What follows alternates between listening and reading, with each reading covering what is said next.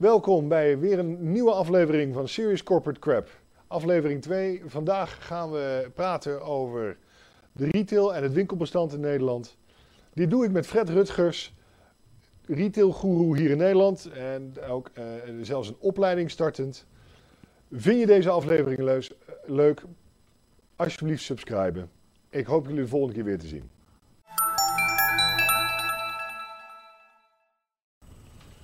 Welkom bij de tweede aflevering van Serious Corporate Crap. Eh, we hebben vandaag bij me een eh, oude bekende voor mij en voor een hoop eh, ook bekend, de retailgoeroe Fred Rutgers. Fred, Fred, welkom. Dankjewel. Leuk dat je er bent.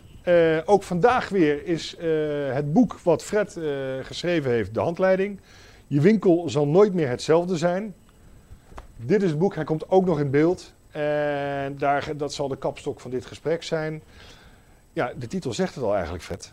Je winkel zal nooit meer hetzelfde. Wat is er aan de hand met retail? Wat, wat, wat gebeurt er? Wat drijft jou daarin? Want dat is toch echt een passie van je. Ja, nou weet je, je hebt daar nog een subtitel bij en daar staat eigenlijk bij van, en dat is eigenlijk maar goed ook. Ja. Want ja, er verandert gewoon een hele hoop. Ik ben, eh, ik ben zelf geboren in, eh, in de retail. Mijn ouders die hadden een, eh, een, redelijk fors retailbedrijf. ja. En mijn moest, moeder moest op het geld een sprintje trekken, want ja, ik meldde mij aan. Eh, en het vrij Dat was, een, dat was een serieuze bevalling, hè? Ja, ja, eh, dat klopt. Dus dat, eh, weet je, dat, dat, Is te makkelijk, Ik heb eigenlijk van, eh, van kinds af aan Ja. eh, eh, ben ik daarin opgegroeid. Ja. En ik vind dat, dat, dat winkels veel belangrijker zijn dan we ons vaak realiseren. Eh, winkel, ja, winkels houden onze samenleving leefbaar. Als je gewoon even nuchter kijkt naar, eh, naar winkels. eh, jouw kinderen hebben daar eh, waarschijnlijk eh, een goede kans op een eerste baantje. Jouw sportvereniging worden met een beetje geluk gesponsord eh, door lokale winkeliers. Eh, allerlei familie van jou zal daar misschien wel een parttime baan vinden. Ehm, ze komen er regelmatig. Eh, als tante Truus tien dagen niet in de buurtsupermarkt is geweest, Ja, beginnen mensen zich toch af te vragen van ja, waar, waar blijft tante Truus? En eh, Dat is waar, hoe ja. zou het met tante Truus gaan? En winkeliers zorgen eh, dat eh, het straatbeeld actueel en levendig eh, blijft. En de aanwezigheid van een winkel verhoogt ook de veiligheid in een wijk. Omdat er toch ogen zijn die gericht zijn op wat er gebeurt in die maar wijk. i- is dat zo? Ja, dat Is dat, zo. want ik, bijvoorbeeld- nee, ik woon in Utrecht. Ja. Een vrij, ik geloof zelfs het grootste winkelgebied, aaneengesloten winkelgebied in ieder geval in Nederland. Ja, Vanaf nou, hè, het station helemaal tot aan de, de stad Schouwburg. ja. Ik vind het prettig, ik vind het prettig wonen, maar het is, ik heb nou niet het idee dat ze nog heel erg veel zien van wat er op straat gebeurt. Want het, het is toch allemaal wat gesloten. Ja, maar het zijn niet noodzakelijkerwijs de ogen van die winkeliers zelf, maar Nee. ook van de bezoekers die daar in en uitlopen. Oké. Er is leven op straat, er is beweging op straat. En eigenlijk, eh, wanneer komt het gespuis de straat op? Dat is als het rustig is. En als het stil is. En zolang daar traffic is en daar eh, eh, gewilde burgers rondlopen uit zo'n wijk Mhm. eh, die zo'n winkel bezoeken, d- is, er, is er beweging en is er weinig ruimte voor, voor eh, gespuis. Wat je, wat je ook ziet, Ja. is als winkels gaan verdwijnen in straten, dan verandert dat straatbeeld ook. Ja, dat, dan, dat dan, geloof en dan zeker. zie je ook dat een buurt achteruit gaat. Het geeft natuurlijk aan dat, dat, er, dat er geen ja, leefbaarheid is sterker. Dus, dus er wordt niet genoeg gekocht om dit, dit, dit, dit draaiende te houden. Eh, precies, maar dat, dat is voor mij dus wel een belangrijk signaal. Dat we winkels best een beetje mogen koesteren, omdat die toch een belangrijke maatschappelijke functie hebben. Ik ken bijna geen sportvereniging die zonder sponsoring van winkels zich ook boven water kan houden. Ja, dat, dat- Eh, eh, en we willen toch allemaal graag dat onze kinderen sporten. Eh, dus ja, die, die, die winkels die hebben gewoon een belangrijke rol. En als zodanig wil ik eh, eh, ook heel graag mijn steentje bijdragen aan de instandhouding van een gezond winkelbestand in het land. Maar waarom is dat niet gezond? Wat, wat, wat gaat er nou mis daar dan? Vaak. Want wat, wat mij opvalt, hè, ik spreek dan nu over Utrecht. Ja, Nou, dat is een grotere stad, dus daar zie je ook meer en meer. Daar zie je ook een hele verandering, maar daar zie je meer en meer naartoe trekken. Maar als je dus in de periferie kijkt en in de kleinere dorpen en je gaat steeds meer naar de oosten, zie je dus minder en minder. Dat begint, dat is dan geen winkel, maar bijvoorbeeld de pinapparaten worden minder en minder. Ja. En daar dus, dus, dus winkels. Dus in de kleine, hoe, hoe, hoe verhoudt zich dat dan? nou weet je, er verandert eh, gewoon heel veel om ons heen. En eh, ja, ik, ik, ik roep ook wel eens van, we zitten niet in een tijdperk van veranderingen, maar echt in een verandering van tijdperken. De, de, de, de, de veranderingen zijn extreem, volgen elkaar steeds sneller op. En eh, ja, je moet gewoon vandaag de dag de hele dag alert zijn om te zien wat er om je heen verandert. Eh, weet je, eh, ik roep wel eens, eh, corporate Darwin is, eh, is erg belangrijk. En je moet zorgen dat je je sneller aanpast dan je concurrentie, maar je vooral niet aanpassen aan je concurrentie.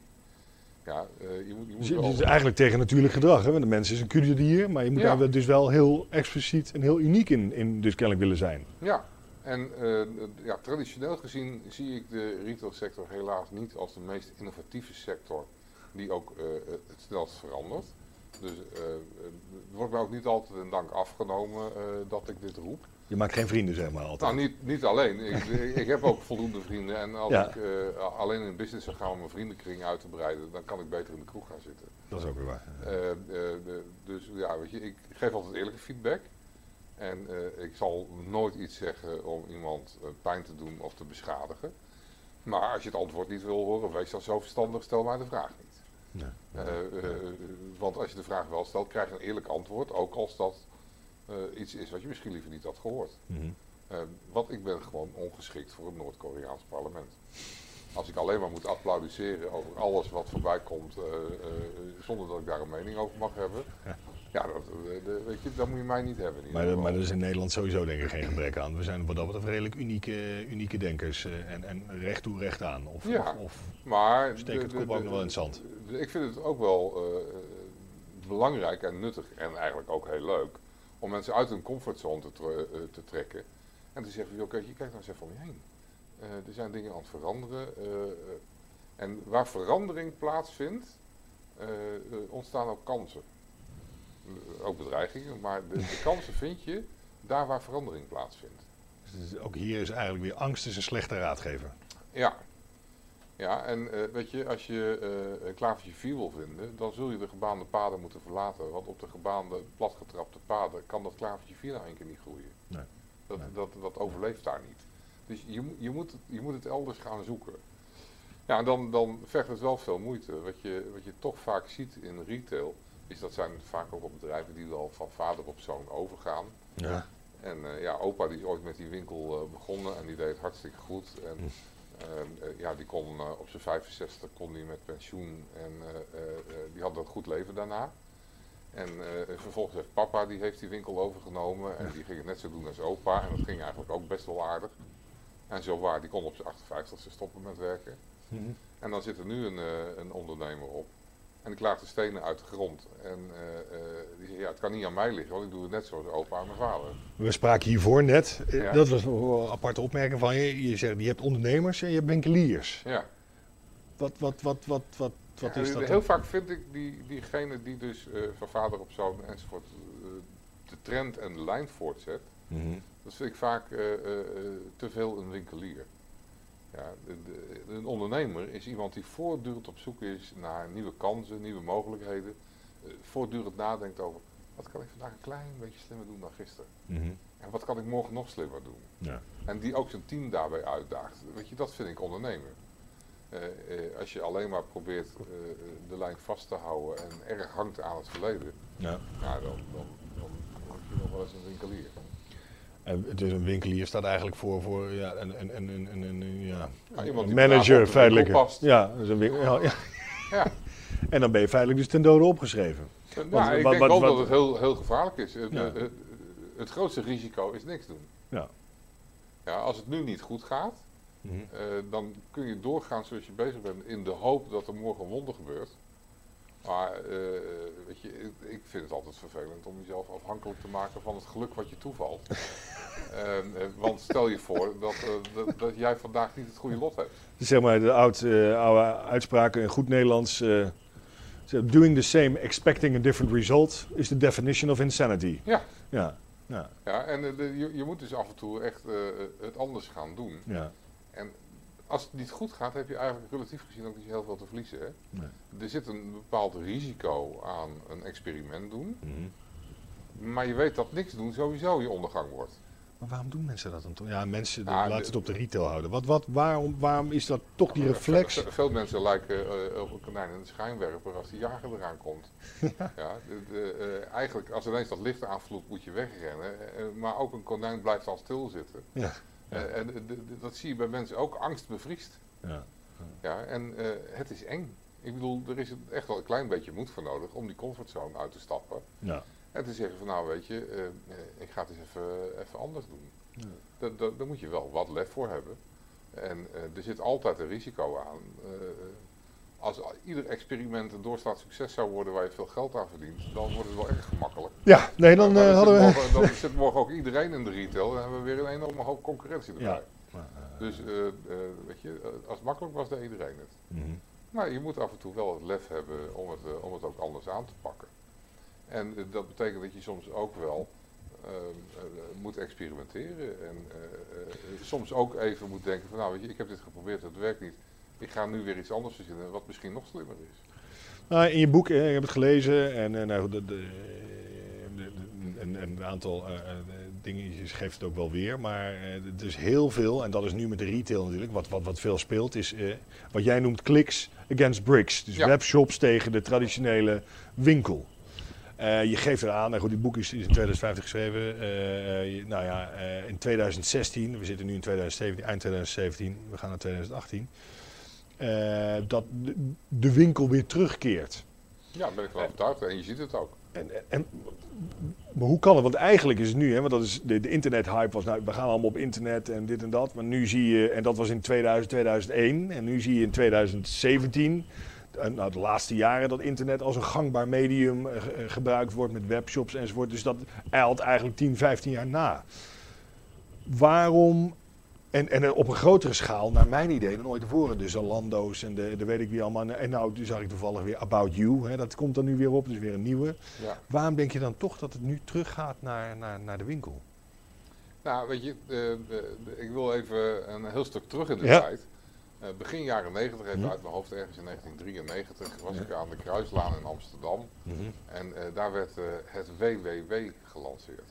Oh. En ik was op dat moment was ik betrokken bij een initi- initiatief en dat heette Nederland nummer 1 op de elektronische snelweg. En dat werd toen de tijd nog door Annemarie Jorisma ook een beetje voorwaarts gepusht. Ja. En daar waren alle grote Nederlandse eh, ondernemingen, eh, die waren daar heel erg in geïnteresseerd. Want het WWW kwam eraan en dat was een enorme bedreiging. Eh, kranten konden opgeheven worden, eh, boeken hoefden niet meer uitgegeven te worden, video hoefde niet meer gemaakt te worden, want we gingen alles eh, eh, online doen. Ja. En zoals je heel vaak ziet, wordt de impact van nieuwe technologie op de korte termijn altijd overschat en op de lange termijn altijd onderschat. Nou, en wat je, wat, je, wat je toen zag, was dat echt ook hele grote bedrijven in Nederland eh, behoorlijk in paniek waren over wat het internet allemaal zou gaan brengen. Nou, vervolgens Ja, dat- eh, is die, die, meteen die- verdampt die angstgolf is, Ja. eh, is weggezakt. en eh, daarna is toch de opkomst gekomen Ja. van, van, van retail. We hebben eerst even een poosje een, een wild eh, online dip gehad, zeg maar. Niemand had er nog veel zin in. Ja, maar het is verschrikkelijk veel geld. Ik bedoel, Op een gegeven moment was het al, je moest maar internet eh, uit kunnen spreken en er werd geld naar je toe gegooid. En Ja. Zo mega veel natuurlijk. Nou, maar je, internet was een, een soort trein. Niemand wist waar die heen ging, maar iedereen had gehoord dat je hem niet mocht missen. Ja, Eh, dus iedereen sprong erop. En ja, weet je, als je het woord internet riep, dan had je de eerste ton investeringskapitaal al bijna te pakken. Mhm. En dat is nog. Ja, eh, als, je, als je gewoon kijkt, eh, eh, heel veel webwinkels worden geopend. En iedereen heeft het erover van, ja, weet je, we gaan allemaal online shoppen en het gaat allemaal volledig die kant uit. Maar even in het echt, vorig jaar zijn er in Nederland ook 5000 webshops wegens gebrek aan succes weer gesloten. Nou, dat vond ik echt. Ik las het. Ik denk, dat zijn wel mega aantallen. Dat is echt. ja. En, en, en als je dan kijkt naar de webshops die er zijn, sommige webshops die op het oog eh, onge- ongelooflijk groot en succesvol lijken, als je daar toch even wat dieper gaat graven in de boeken, dan, eh, dan valt de winstgevendheid toch nog wel eh, vreselijk tegen. Maar waarom doen ze het dan? Want het, het is mega Ja, veel er- geld. Er is, er is investeringskapitaal en iedereen gelooft erin. En ze hebben allemaal hoop op de toekomst. En ze rapporteren allemaal op basis van EBITDA. Eh, en ik ben vroeger nog ouderwets opgevoed. En hè. EBITDA, Ik- en EBITDA, leg dat eens dat uit. is Wat, earnings before eh, eh, eh, interest, tax, depreciations en amortizations. kortom. Dat betekent dat er een heel aantal dingen nog niet betaald zijn. Eh, eh, Kortom, eh, bruto omzet. eh, ja, Ja. als je rekent. En, maar heel veel noemen dat al winst, EBITDA. Nee. Dus een positieve EBITDA is al reden om naar de kroeg te gaan en feest te vieren. Ehm, maar ja, ik ben dan traditioneel opgevoed met de economie van de schoenendoos. Ja. Alles wat binnen eh, kwam, ging in de schoenendoos en alles wat betaald moest worden, kwam eruit. En als de bodem in zicht was, dan had je een probleem. Ja. Ja, nu wordt er gewoon bijgestort door eh, eh, hoopvolle aandeelhouders. En als je bijvoorbeeld kijkt dat een Zalando eh, Ja. op holdingniveau met droge ogen 700 miljoen kan verliezen, dan, dan vind ik dat persoonlijk toch best veel geld. En dan denk ik van, nou, voordat je dan uiteindelijk winstgevend bent, moet je eerst dat terugverdienen en daarna moet je nog eens een keer eh, eh, geld. eh, En dat doen ze geld- jaarlijks? nou, dat hebben ze in één jaar hebben ze dat verloren ja, met, met de holding. Maar ook als je kijkt naar andere grote spelers, en ik wil niet overdreven flauw doen allerlei namen te gaan noemen, maar er zitten er toch een heel aantal bij Ja. die nipt een positieve EBITDA scoren. Nou, ik vind, wat ik persoonlijk een hele goede vind, dan gaan we het wel een naam noemen. Ik vind Coolblue vind ik een fantastische keten. Eh, ja, Maar weet je waarom ik het... En dan, dan sluit het dus aan. Waarom? Er zit er bij mij toevallig eentje om de hoek. Winkel. Dus Ja. uiteindelijk, daar ga ik dan het meeste toch naartoe. Ja. Want ik kijk dan, maar ik wil dan toch daar naartoe. Ja. Inderdaad, daar ben ik dan misschien ook net iets te oud voor om dat alleen maar puur online te doen. Maar wat ze daar doen is, je staat er te wachten op je beurt. Je hebt dan verschillende expertises. Dat wachten is soms best lastig. Maar je weet dat ze aan jou net zoveel tijd besteden als aan ieder ander. En dan staan er weer anderen te wachten. Dus je hebt dat ervoor over, omdat je weet, ze hebben uitgebreide tijd om met jou en je keuzes. En ik vind het een hele prettige winkel. Een hele, heel Ja. prettige en goed concept wat dat betreft eigenlijk. nou, maar weet je, de, de klant voor alles, Ja. boven alles eh, en alles voor de klant. Ja, Ja, en dat vind ik eh, eh, iets waar heel veel partijen veel van kunnen leren. Je kunt sowieso in, in retail vind ik best veel leren van online. ja, Eh, eh, ik ben niet een onvoorwaardelijke online fan. Ik bedoel, eh, ik sta er open voor. Ik, ik schiet het niet af. Mhm. Ik constateer alleen feitelijk dat online geld verdienen best nog lastig is. Mhm. En als ik dan traditionele retailers wil roepen van, weet je, online is alles veel gemakkelijker en die hebben het veel simpeler dan wij. En wij kunnen daar nooit tegen op, dan zeg ik van nou, dan heb ik nog nieuws voor je. Ik denk dat het wel degelijk kan. Maar dan moet je het wel anders doen. En als je kijkt naar de gemiddelde ondernemer online, ja. dat is een ander type ondernemer. Eh, die is de hele dag bezig met aan welke knopjes kan ik wel draaien om het een beetje slimmer te doen. En die zijn allerlei dingen aan het analyseren. Maar die hebben ook een tegenstelling. Want Coolblue is bijvoorbeeld dan begonnen online, maar die gaat dus winkels openen. Ja, en dat is op zich heel slim. En eh, eh, ik ben niet alleen maar voor de BRICS en ik ben ook niet alleen maar tegen de kliks. En ik geloof ook wel in de hybride vorm. Ja. Ja, en eh, het een kan het ander versterken en je moet, je moet er op een slimme manier gebruik van maken. Ja. Je kan heel veel van elkaar leren, Ja. maar de verlieslatende webshops zorgen wel voor een groot probleem in de winkelstraat. Want al die omzet die nu verdwijnt eh, in de kassa van verlieslatende webshops en dus eigenlijk nergens iets bijdraagt, Ja. gaat wel ten koste van de omzet in de traditionele winkels, waardoor die het wel eh, eh, lastig hebben. Ja. Hoewel je ook nu daar groei ziet.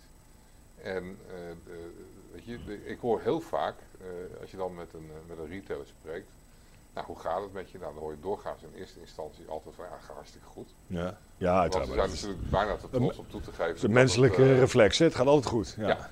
ja, als je dan even doorvraagt, dan komt er soms schoffen. Nou, het zou wel beter kunnen. Eh, en als je dan toch vasthoudend blijft vragen, dan is het eigenlijk, nou, dat moet nu echt wel gaan verbeteren, want anders dan gaat het zo meteen niet goed. Eh, en dat betekent dus dat je wat dingen anders moet gaan doen en dat je ook wel anders, anders, anders moet gaan kijken.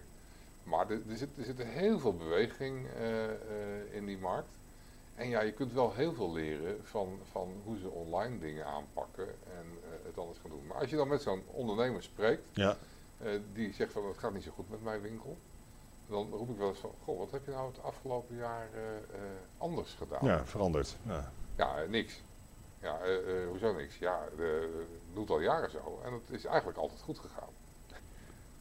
Ja. Ja, eh, eh, Oké, maar het gaat dus nu niet goed. Wat gaan we dan nu anders doen? Eh, eh, ja, nou ja, weet ik eigenlijk niet zo. Want eh, ja, je kan niet zoveel aan doen. We hebben de webshops en we hebben de crisis. En ja, Rutte met zijn club, die, die bakt er eigenlijk ook niks van.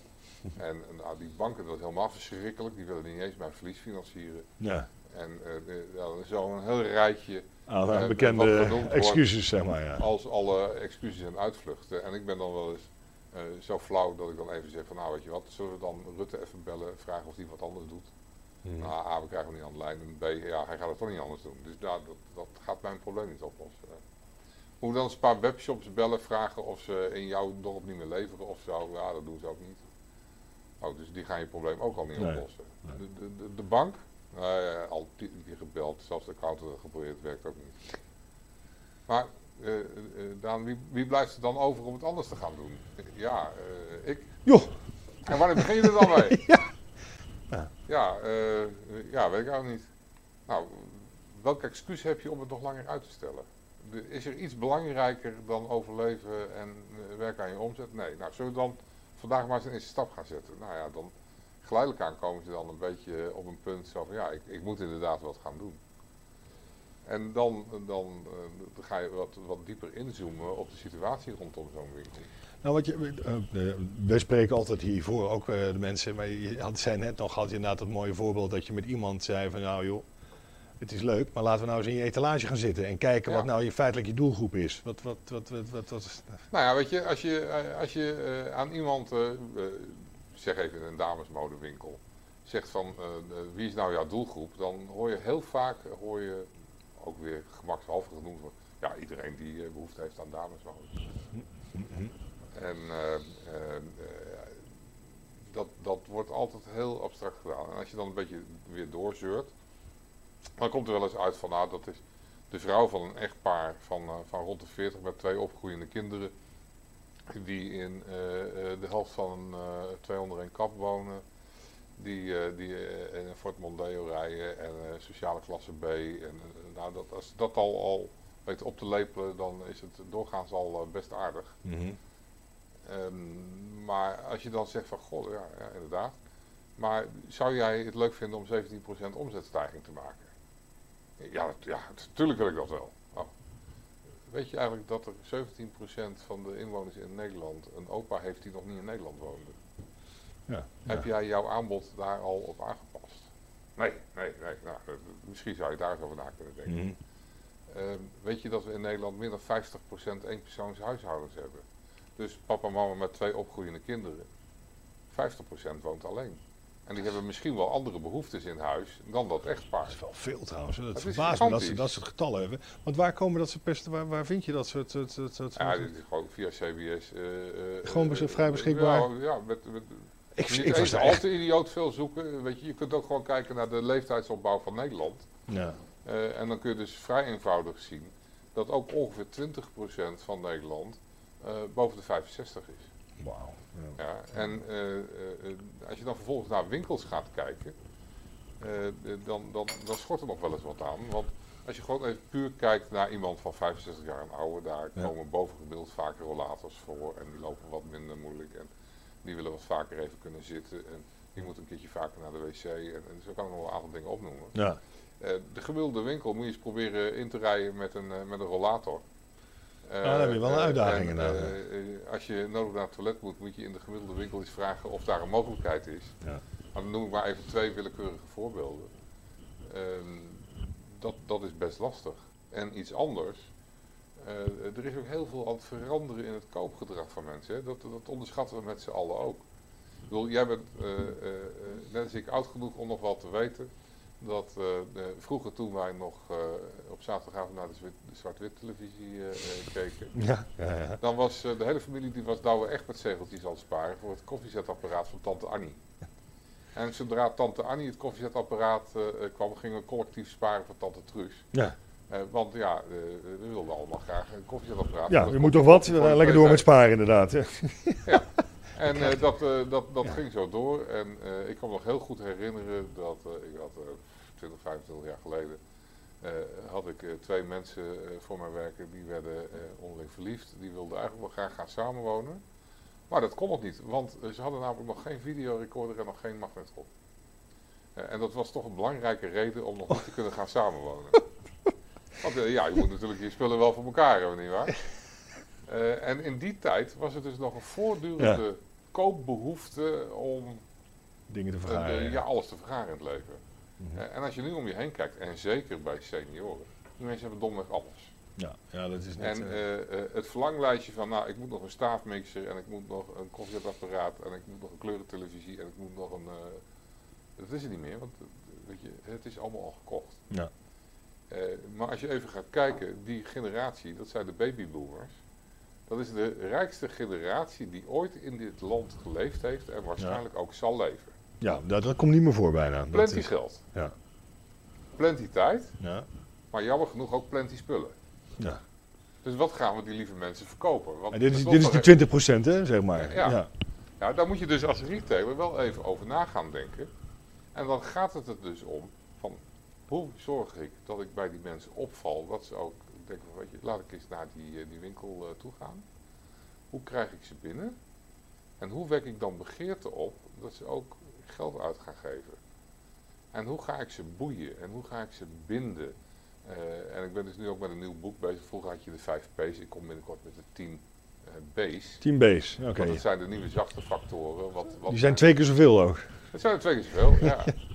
ja eh, eh, weet je, als jij geen behoefte en begeerte eh, eh, op kunt wekken, en je kunt mensen niet boeien en binden, eh, de- en zo zijn er nog een heel rijtje, die ik nu nog niet allemaal ga verklappen, Jammer. Ja. eh, dan, eh, dan, ja. dan, dan, dan ga je dus merken Mhm. dat retail een ander vak is geworden.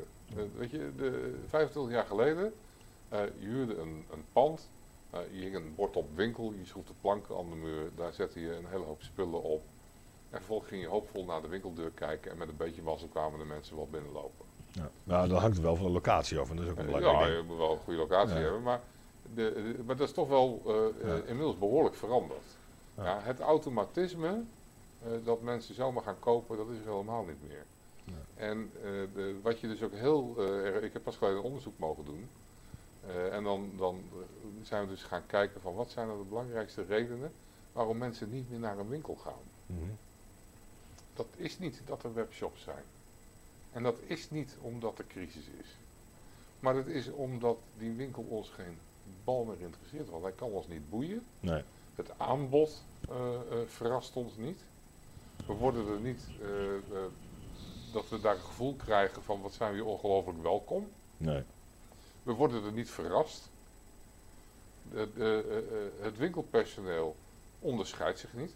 Als ik naar, naar bol.com ga, even om een, eh, om Ja. een voorbeeldje te geven. Ja. Daar kan ik, eh, als ik daar een eh, cd wil kopen, dan krijg ik gelijk, dus die mensen die deze cd kochten, kochten ook die cd en die cd en die cd. Een hoop suggesties. En u kunt iedere track zoveel seconden beluisteren om even te kijken of het wat is. Mhm. En ik kan niet lezen over de artiest. En, maar de, de- ik kan het voorbeeld gerust noemen, want Free Record Shop bestaat inmiddels niet meer. Nee. Maar als je een Free Record Shop eh, binnenliep, dan stonden daar medewerkers. Ja. Die waren onderling in een heel goed, belangrijk gesprek waar we zaterdagavond uitgingen. Ja. En dan liep ik daar als klant binnen en had ik een beetje gevoel, ik moet die mensen storen in een goed gesprek. ja, ook weer zo wat. Eh, Ja. En dan, dan vroeg je om een cd van een bepaalde artiest. Ehm, zeg even eh Chai Coltrane. Eh, en dan werd er vaak al geroepen van nou bij de C en als je daar niet staat, dan, eh, dan hebben we hebben hem niet. Nee, oké. Ja, ja. Ja, eh, dus dan ging ik ijverig op zoek naar de C en dan vond ik hem niet. En dan moest ik weer terug naar die kassa en dan moest ik die mensen alweer storen. Ja. Mijn schuldgevoel werd onderhand groot. Ja, en dan ging ik dus zeggen van goh, ja, hij staat niet. Heb je iets wat erop lijkt? Ja, En dan keken ze elkaar aan, heb jij wel eens van Chai Coltrane gehoord? ja, en wat zou daarop lijken? Ja. En eh, als je even wilde voorluisteren, moest je je daarvoor alweer storen in een goed gesprek. Ja.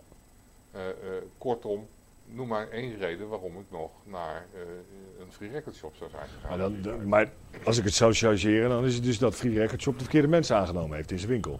Nou, en ze misschien wel de verkeerde instructie heeft gegeven. Weet je, in basis ga ik ervan uit dat iedereen s'morgens naar zijn werk gaat Ja. met de bedoeling om er een leuke dag van te maken. Ja. Maar onlangs zag ik een eh, voorbeeld dat eh, eh, een fotootje van een consument die had zijn vrouw willen verrassen Ja. eh, met een flesje Chanel nummer 5 van 97 euro. Ja. Die had in de winkel gevraagd of het voor cadeau ingepakt kon worden. Ja. Na twee inpakpogingen is hij er maar mee naar buiten gelopen met toch een beetje een teleurgestelde blik. Ja. Want gemiddelde kind van 12 had het minstens zo vakkundig in kunnen pakken. Dat meen je niet. Eh, ja. Is, is, maar, ja, maar dat zijn toch wel al die ketens die doen dat toch wel? Die zetten een. eh, ja, dit was toch een serieuze landelijke keten. ja? Ja. Ik, ik ga niet uh, Nee, nee, oké. het was, maar de, ook daar gaat het gewoon fout. En dan kun je natuurlijk met z'n allen roepen. En ik kreeg ook heel veel feedback van jullie. Wat flauw dat je dit incident eruit pakt en roept van, weet je, het gaat niet goed in de retail. Maar even in het echt, de consument is tegenwoordig nog veel harder. Ja. Eh, want die ziet dat. En vroeger, als je het verkeerd deed in een winkel, dan zaten ze toevallig de zaterdag erop op een verjaardag eh, eh, met, met een borreltje en een blokje kaas. Ja. En dan werd er geroepen van nou, ik was van de week toch bij Piet in de winkel. Mhm. Nou, dat was niks. En dan kwam het verhaal terecht bij zes echtparen die ook op die verjaardag zaten. ja. Tegenwoordig hebben we dingen als social media. En als jij een nare ervaring hebt eh, in een winkel, eh, heb je voordat je het weet gemiddeld 36 mensen bereikt om te vertellen dat het bagger was in die winkel. Ja. Ja, het gaat En dan sneller kun je dat harder, sneu vinden voor die medewerker in die winkel. Maar feit is dat die consument tegenwoordig zo hard is en dat het nieuws zich zo snel verspreidt. Dus de lat ligt eigenlijk ook hoger voor ondernemers en hun team Mhm. om een topprestatie te leveren.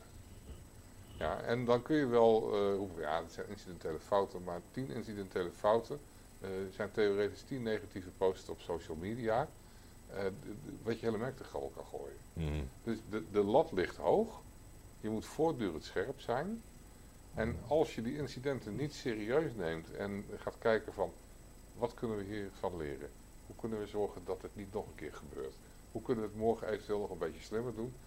Hoe kunnen we deze klant eh, eh, van een ontevreden klant veranderen in een blije ambassadeur? Ja. Door, door hem serieus te nemen en er iets mee te doen. Maar de schaal bereiken is natuurlijk vele malen. Ja. Eh, ja, maar dat, ook daar weer, daar waar het dus de bedreiging is van we verspreiden negatief nieuws.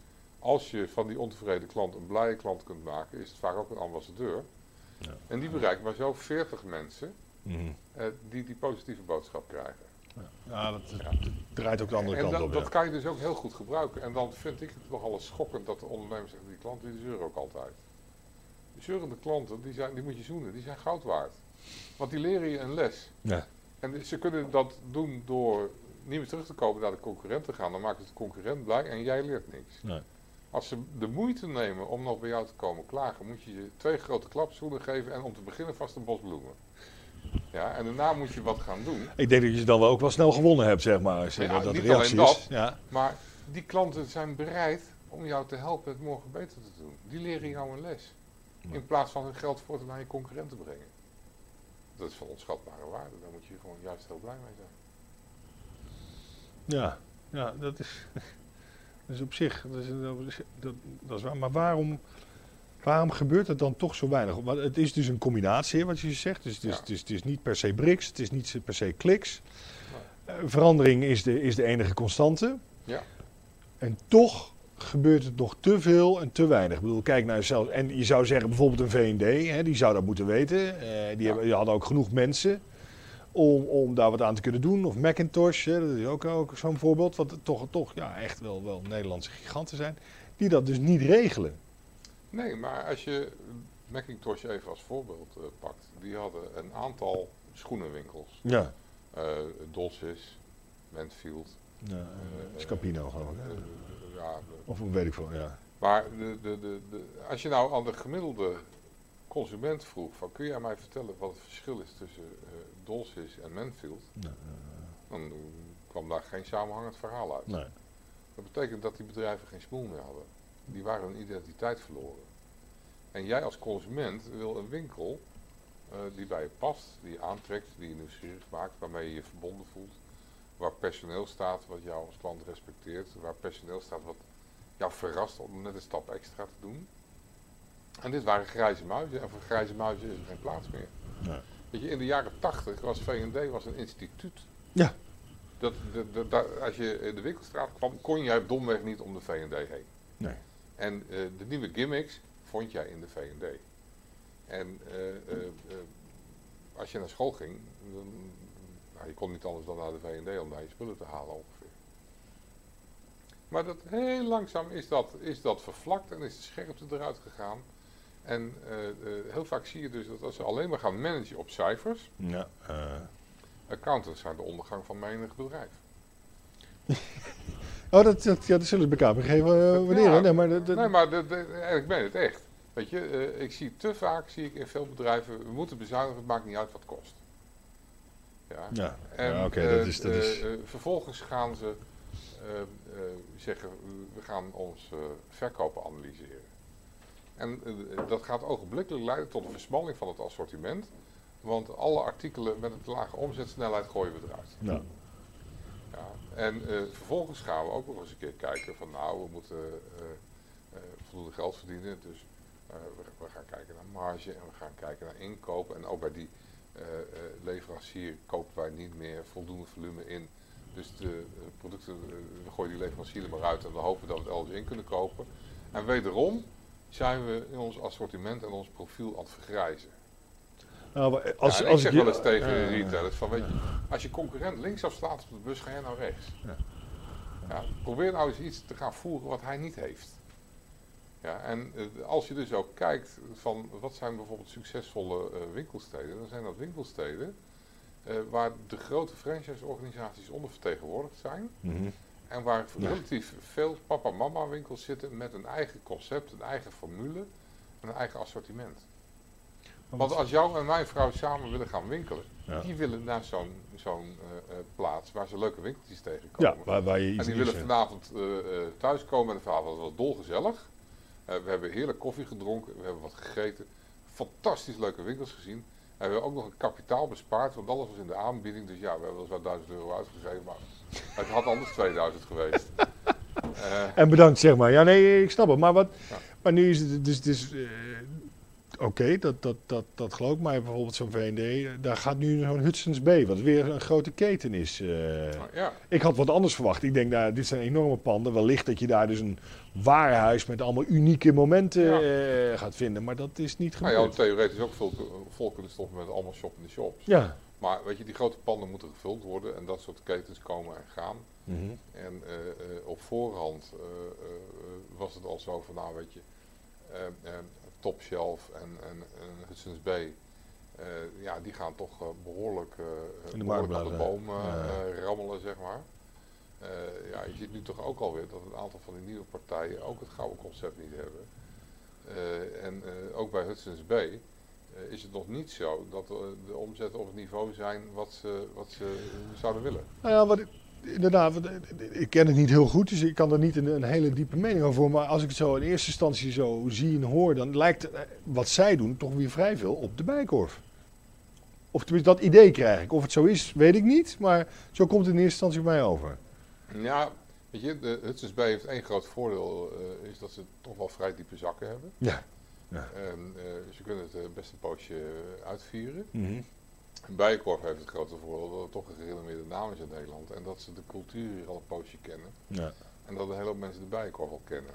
Ja. Eh, en zeker met eh, het nieuwe concept van Bijenkorf geef ik Bijenkorf absoluut eh, een behoorlijke kans om nog wel eens binnen uit, uit Deze, strijd te kunnen ja, komen. Want want Hudson's Bay heeft het nog lang niet van ze gewonnen. Nee, nee, dat denk ik wel. Ehm, en als je, als je dat ook ziet, dan, dan, dan gaan er in de winkel toch wel een heel aantal dingen niet zo goed. Ehm, en ik vind ook de snelheid waarmee ze de vestigingen openen eh, wel hoog. nou, veel. Het is, het is, het is, en, het is echt... als je in zo'n winkel komt, merk je dus ook dat ook de medewerkers van de gemiddelde Hudson Bay, mhm. die zijn nog niet één met hun concept. Nee. Die zijn ook nog aan het leren. En dat is niet erg, eh, want dat hoort er ook een beetje bij. Ik bedoel, eh, ik wil nog meemaken wie in staat is om in één keer het gouden concept neer te zetten. Die, kom je niet zoveel tegen. Nee. Ehm, eh, dus Nou ja, je daar- zegt- daar is niks mis aan. Het, is wel degelijk ook voor hun nog een behoorlijke zoektocht. het gouden concept zeg je wel, ben uniek, doe wat anders dan... dan eh, Ja, ik, ik kan je wel op eh, eh, eh, enig abstractieniveau vertellen wat de, de ingrediënten zijn Ja. eh, van een succesvol concept. Maar Ja. dat nog even in het echt vertalen is nog wel een dingetje. Ja, nou dat is, dat is niet eenvoudig. Nou, klopt. Nou, Nee, stond en hier- eh, vandaar dus ook, weet je, de, de, je winkel zal nooit meer hetzelfde zijn. Ja. Dat is een zekerheid. Ja. En eh, eh, dat je dus mee moet gaan met je tijd. Eh, dat is ook een zekerheid. En dat, dat, dat, is als ouders weg naar Rome. Want Mhm. Darwin, weet je, de, de dodo is niet voor niks uitgestorven. Dus daar, daar, daar moet je wel, wel degelijk wat mee. Maar de weg voorwaarts en de weg naar succes is en blijft wel een zoektocht. Ik- Nog drie dingen. We gaan ook nog, want ik wil toch even, jij, hè, je bent begaan met, eh, met retail en, eh, en, en, en- en- en- en hoe, hoe gaan we die winkels nou beter neerzetten. Wat ik, wat ik frappant in dit boek vond is ook eh, het fenomeen een centrummanager. Ja, Hè? En daarin heb je ook weer twee definities overigens. Hè? Je hebt over boodschappen doen en een wink- winkelgebied feitelijk. Hè? Dat, is, dat, is, dat, dat is een fundamenteel verschil en de functie van de, van de centrummanager. En ik, ik, nou, dat is er één. En de dag van de meewerkende echtgenoten. Vond ik Ja. ook erg. vond ik ook een mooie. ja. En dan de, de laatste is dan die Bermuda driehoek. Die is ook altijd wel, wel aardig. Maar, Ja. maar, maar, de centrum. En, eh, ja. ja de centrummanager is tegenwoordig, eh, eh, volgens mij wordt het gezien als een nieuw soort Haarlemmerode. ja. En je ziet eigenlijk, ieder centrum vindt dat er nu een centrummanager moet komen. Mhm. Eigenlijk kijken dan heel veel ondernemers heel hoopvol naar die centrummanager van jij gaat ervoor zorgen dat ik een omzet krijg. Ja. Nou, om te beginnen is dat al een illusie, want je moet het minimaal samen doen. Mhm. En als jij denkt eh, eh, als ondernemer dat de omzet jou gebracht wordt, heb ik nieuws voor je, dat gaat tegenvallen. ja. Ja, eh, daarnaast moet je eens kijken naar wat is nou eigenlijk een centrum. Want ook in retail Ja. wordt iets al vrij snel een winkelcentrum genoemd. Ja. En vaak bedoelen we daarmee een boodschappenstrip. En eh, winkelen, dat is wat jouw vrouw en mijn vrouw op zaterdag gezellig samen gaan doen. Ja. En dan willen ze een leuke middag hebben. En dat betekent, daar moeten vrij veel verschillende aantrekkelijke winkels zijn. Ja. Verspreid over een goed gebied, ondersteund met horeca enzovoort. Ja. Ja, en daar kun je winkelen. Mhm. Eh, daarnaast gaat mijn vrouw ook op zaterdag regelmatig eh, boodschappen doen. Omdat wij thuis nou eenmaal moeten eten en wij hebben bepaalde dingen eh, nodig in huis. En dat doet ze eh, op een handige locatie waar ze kort voor de deur kan parkeren. Ja. En eh, dat wil ze snel en efficiënt doen. En als het even kan, ook niet al te gek duur. Nee. Eh, en, en dat is dus een boodschappencentrum. En de beste centrummanager maakt van een boodschappencentrum geen winkelgebied. Dat krijg je gewoon niet voor elkaar. Want die, die, die faciliteiten zijn er niet. Die faciliteiten zijn er Ja, niet. Ja. Dus- Maar het is wel een, gekke een gek contrast. Want het, het, het- zo'n centrummanager komt heel erg bij mij over als een overheidsgedreven ding. Dus feitelijk een ambtenaar. Die dan over commercie, eh, met de commercie moet gaan samenwerken. Dat zijn toch dingen die vaak haaks op elkaar staan. Ja, vaak worden die centrummanagers natuurlijk wel door de retailers zelf gerecruiteerd. Oh, dat En, wel. eh, ook doordat ze gezamenlijk eh, in de vorm van gemeentelijke belasting een budget bij elkaar brengen. Ja.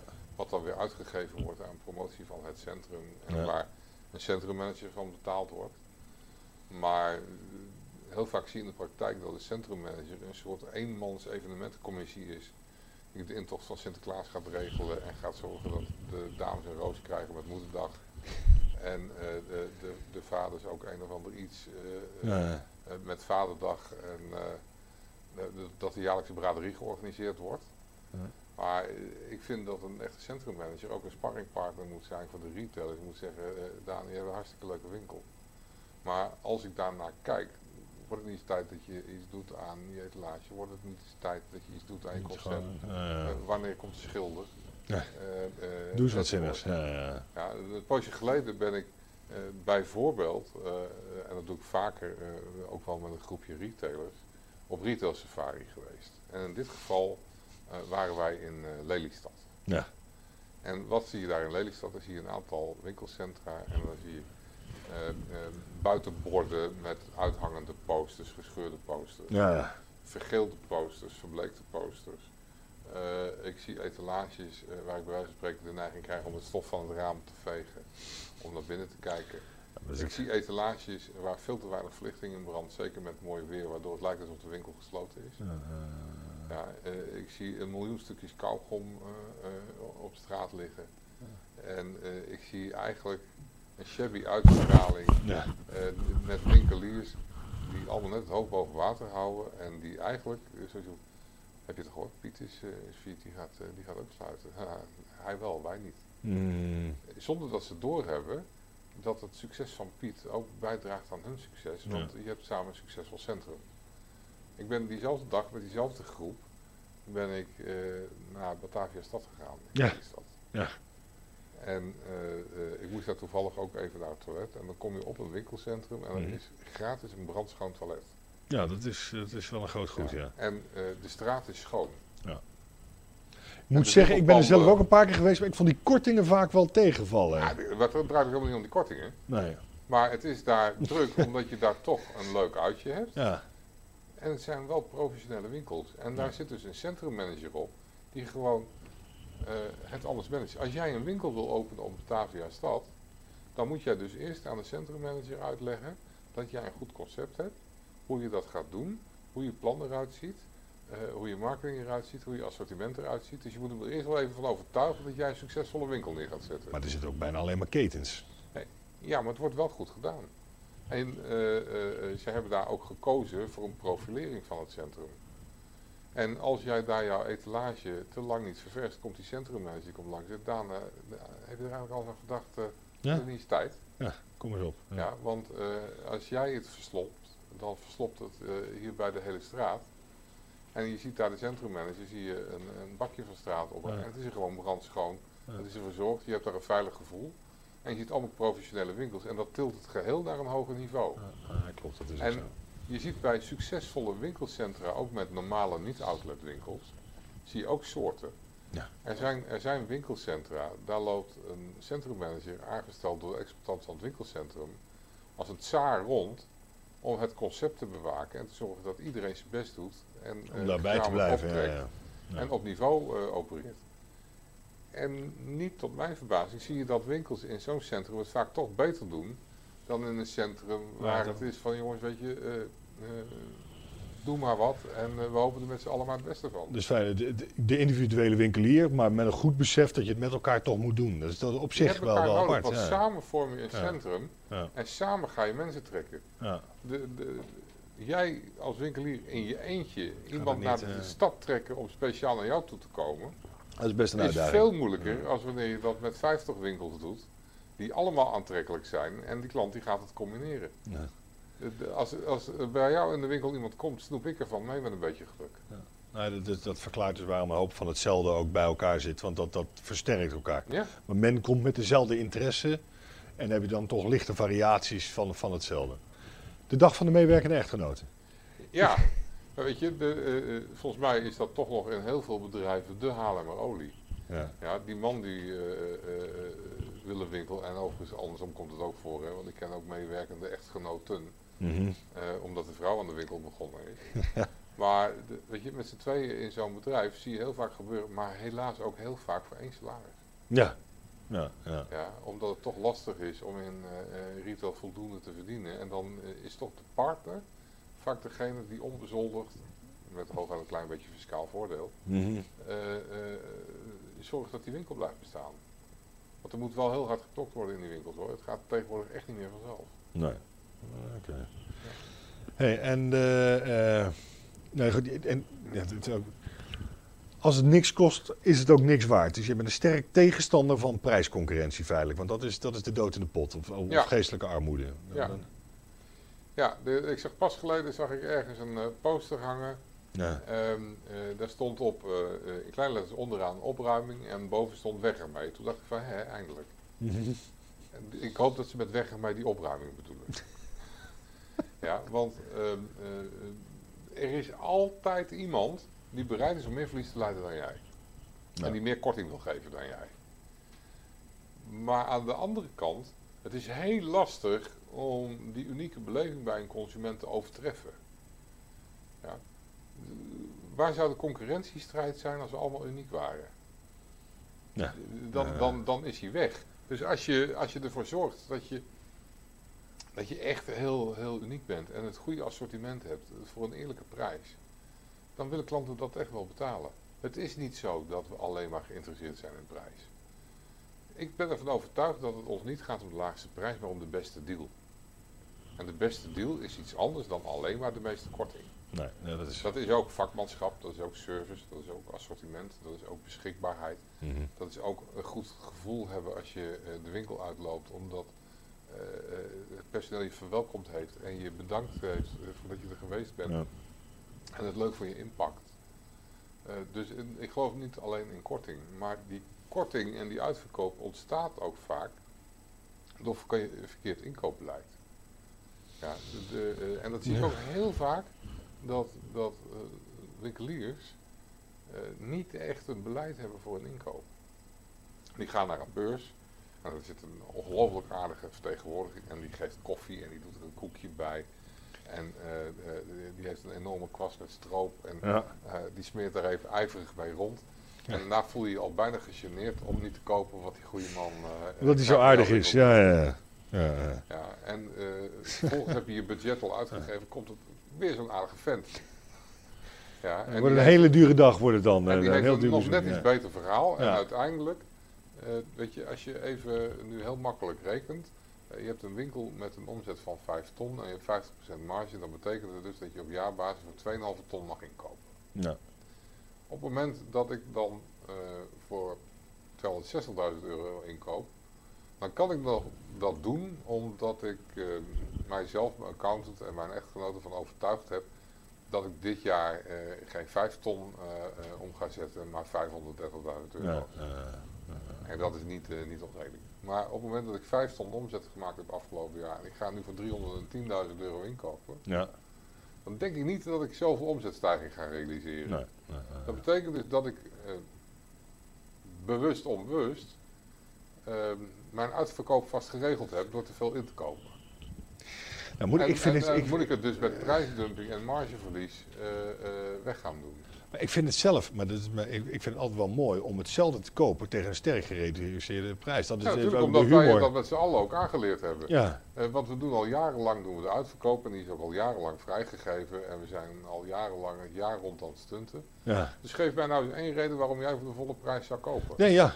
We hebben je allemaal geleerd van eh, een poosje wachten. En, En, en, en het gaat om, ja.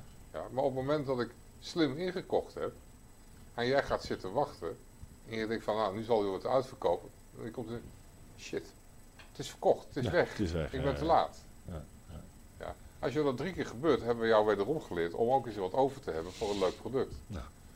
Ja, en dat betekent eh, dat, dat het leuker wordt. Mhm. Eh, dat uiteindelijk de consument ook vaker eh, eh, wat leuks kan kopen. Mhm. Want alleen die vreugde voor die lage prijs is ook niet alles. Hè? Nee, nee, natuurlijk.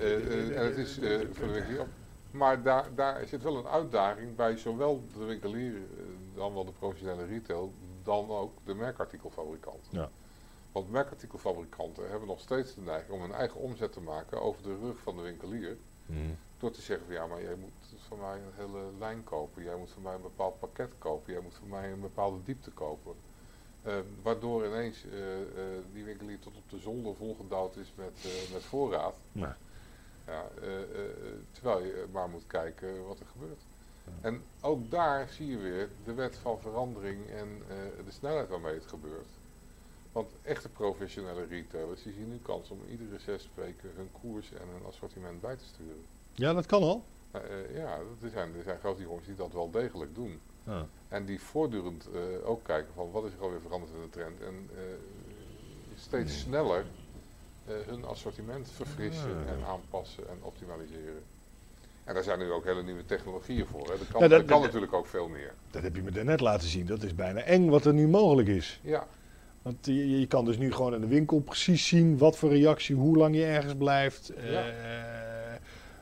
Eh, wat wel werkt, wat niet werkt. En aan detail en, je, en de reactie van de mensen kan het gewoon meten. Dat is, dat is ja. eh, Je, kunt, je kunt tegenwoordig met slimme camerasystemen kun je zien of het een meneer is of een mevrouw die binnenkomt. ja, Je kan ook zien eh, wat voor een type persoon dat is. ja, Je kunt zelfs zien eh, wat voor een humeur eh, die persoon heeft. Eh sterker nog, je kunt zelfs zien hoe iemand reageert eh, op een bepaald product qua emotie. Een andere is dat bijvoorbeeld met, met eh, eh, thermotechniek, eh, die je aan het plafond van de winkel bevestigt, kun je zien waar mensen lopen in je winkel, ja. eh, eh, waar ze aarzelen, waar ze langer stilstaan en ook waar ze bijvoorbeeld nooit komen. Mhm. Dus de producten die daar staan, kan je net Kan vandaag nog in de container gooien. Jongens, er komt nooit ja, hond om ze te bekijken. ja. Maar het gaat nog wel verder, want je kunt zelfs met slimme technologie kun je zien waar een klant gaat staan, welk product hij vastpakt, hoe lang hij dat vasthoudt, of hij het terugzet op het schap of eh, in zijn winkelwagentje doet. Mhm. Ehm, en eh, je kunt bij wijze van spreken, als je ziet dat er eh, op een bepaald schap, waar bijvoorbeeld wederom die Chanel nummer 5 staat, dan kun je een simpel testje doen om te kijken of ze nou geïnteresseerd zijn in die locatie of in het product. Mhm. Want als je dan de Chanel tijdelijk even zet op een plek waar heel weinig mensen kijken in die wand, en je ziet ineens dat dat verschuift, dan ging het dus kennelijk om de Chanel. Ja. En niet, eh, niet, dan is die plaats op het schap goud waard, want Ja. dat is een hele dominante plaats. Ja. En zo kun je dus met allerlei nieuwe technieken, eh, eh, kun je dus veel meer zien. Gebeurt dat ook veel al? Of ik heb niet het idee dat dat nog, nog heel erg... ja, het, het, het, het komt wel steeds meer. En de- die technieken, sommige zijn eigenlijk al best wel oud, maar worden nu pas serieus gebruikt. Weet je, er zijn al heel lang slimme databases waarmee je bijvoorbeeld kunt zien van hoe zit mijn winkel ten Ja. opzichte van de favoriete parkeerplaats in het dorp.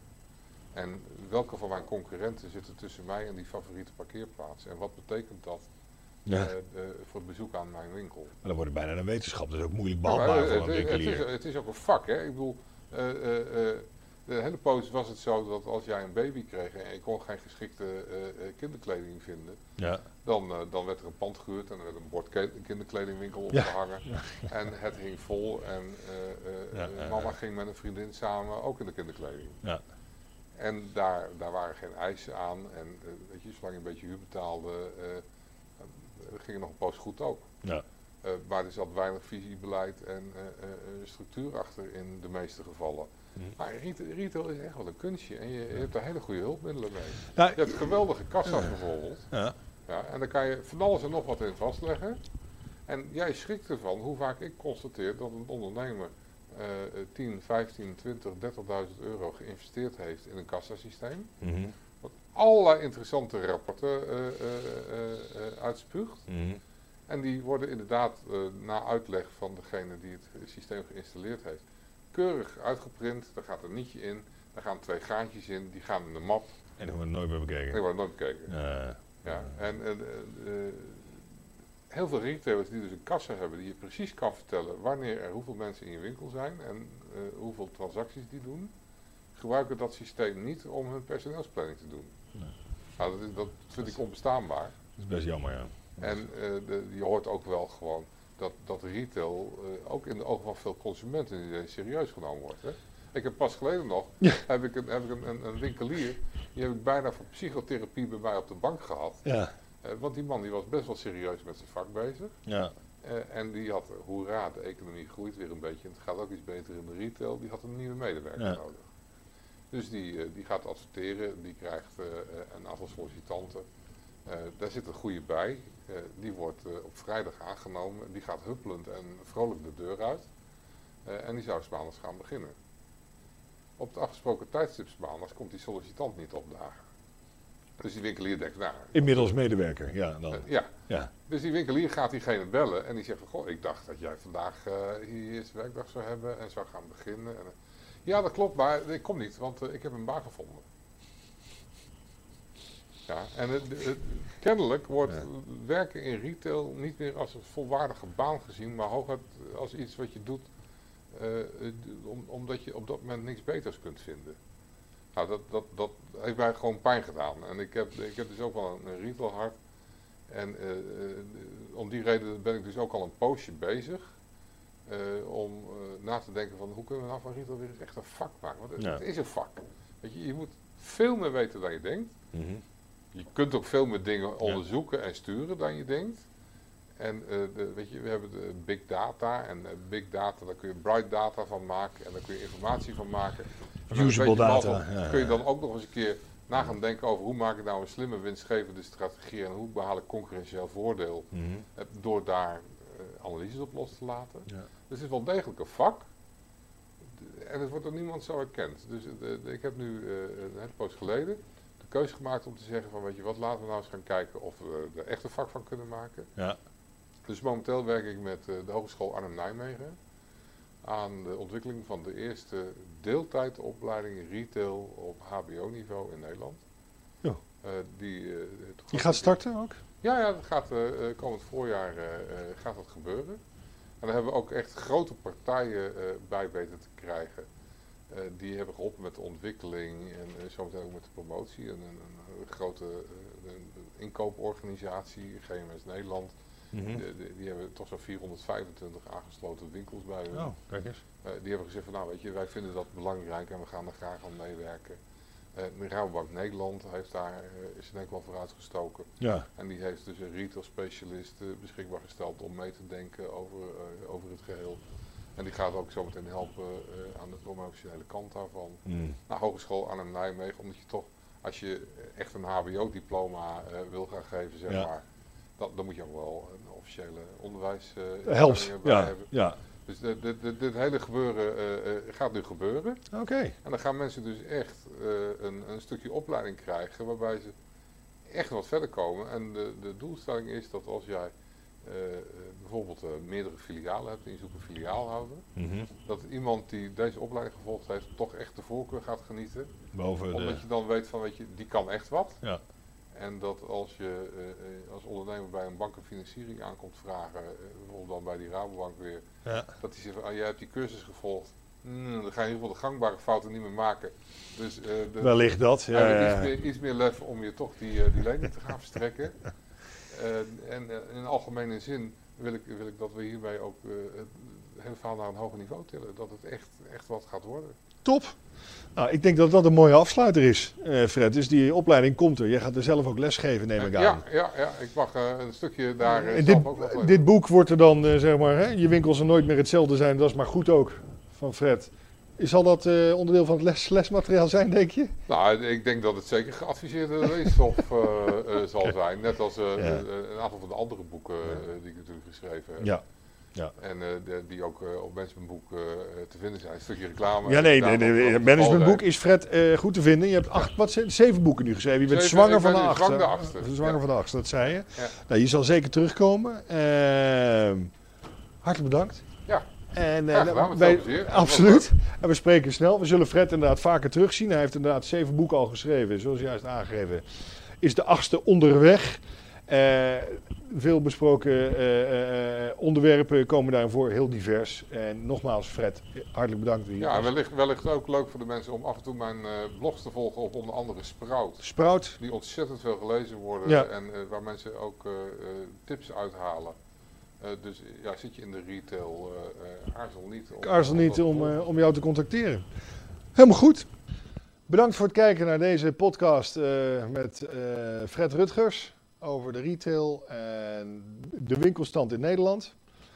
Over twee weken hebben wij weer een volgende aflevering. Dit zal zijn met Linda en Angela, beter bekend ook als de Slagersdochters. Ze hebben ook een eigen podcast en daar gaan wij ook weer van allerlei leuke en, andere, en aparte dingen bespreken. Als jullie willen, graag abonneren en ik zie jullie over twee weken weer.